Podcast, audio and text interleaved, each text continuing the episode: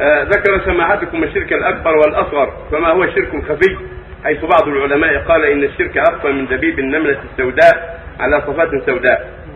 الشرك الخفي نوعان. الشرك الخفي نوعان. نوع أصغر وهو الرياء لأنه محله القلوب يسمى شركا خفي ويسمى شركا اصغر. وهناك نوع آخر خفي وهو شرك النفاق والعياذ بالله الذي يقوم الذي يقوم بالقلوب فيكون أهله مخفين كفرهم وضلالهم يكذبون الله ورسوله ويعتقدون بطلان ما جاء به الرسول عليه الصلاة والسلام. هذا نفاق أكبر وشرك خفي أكبر.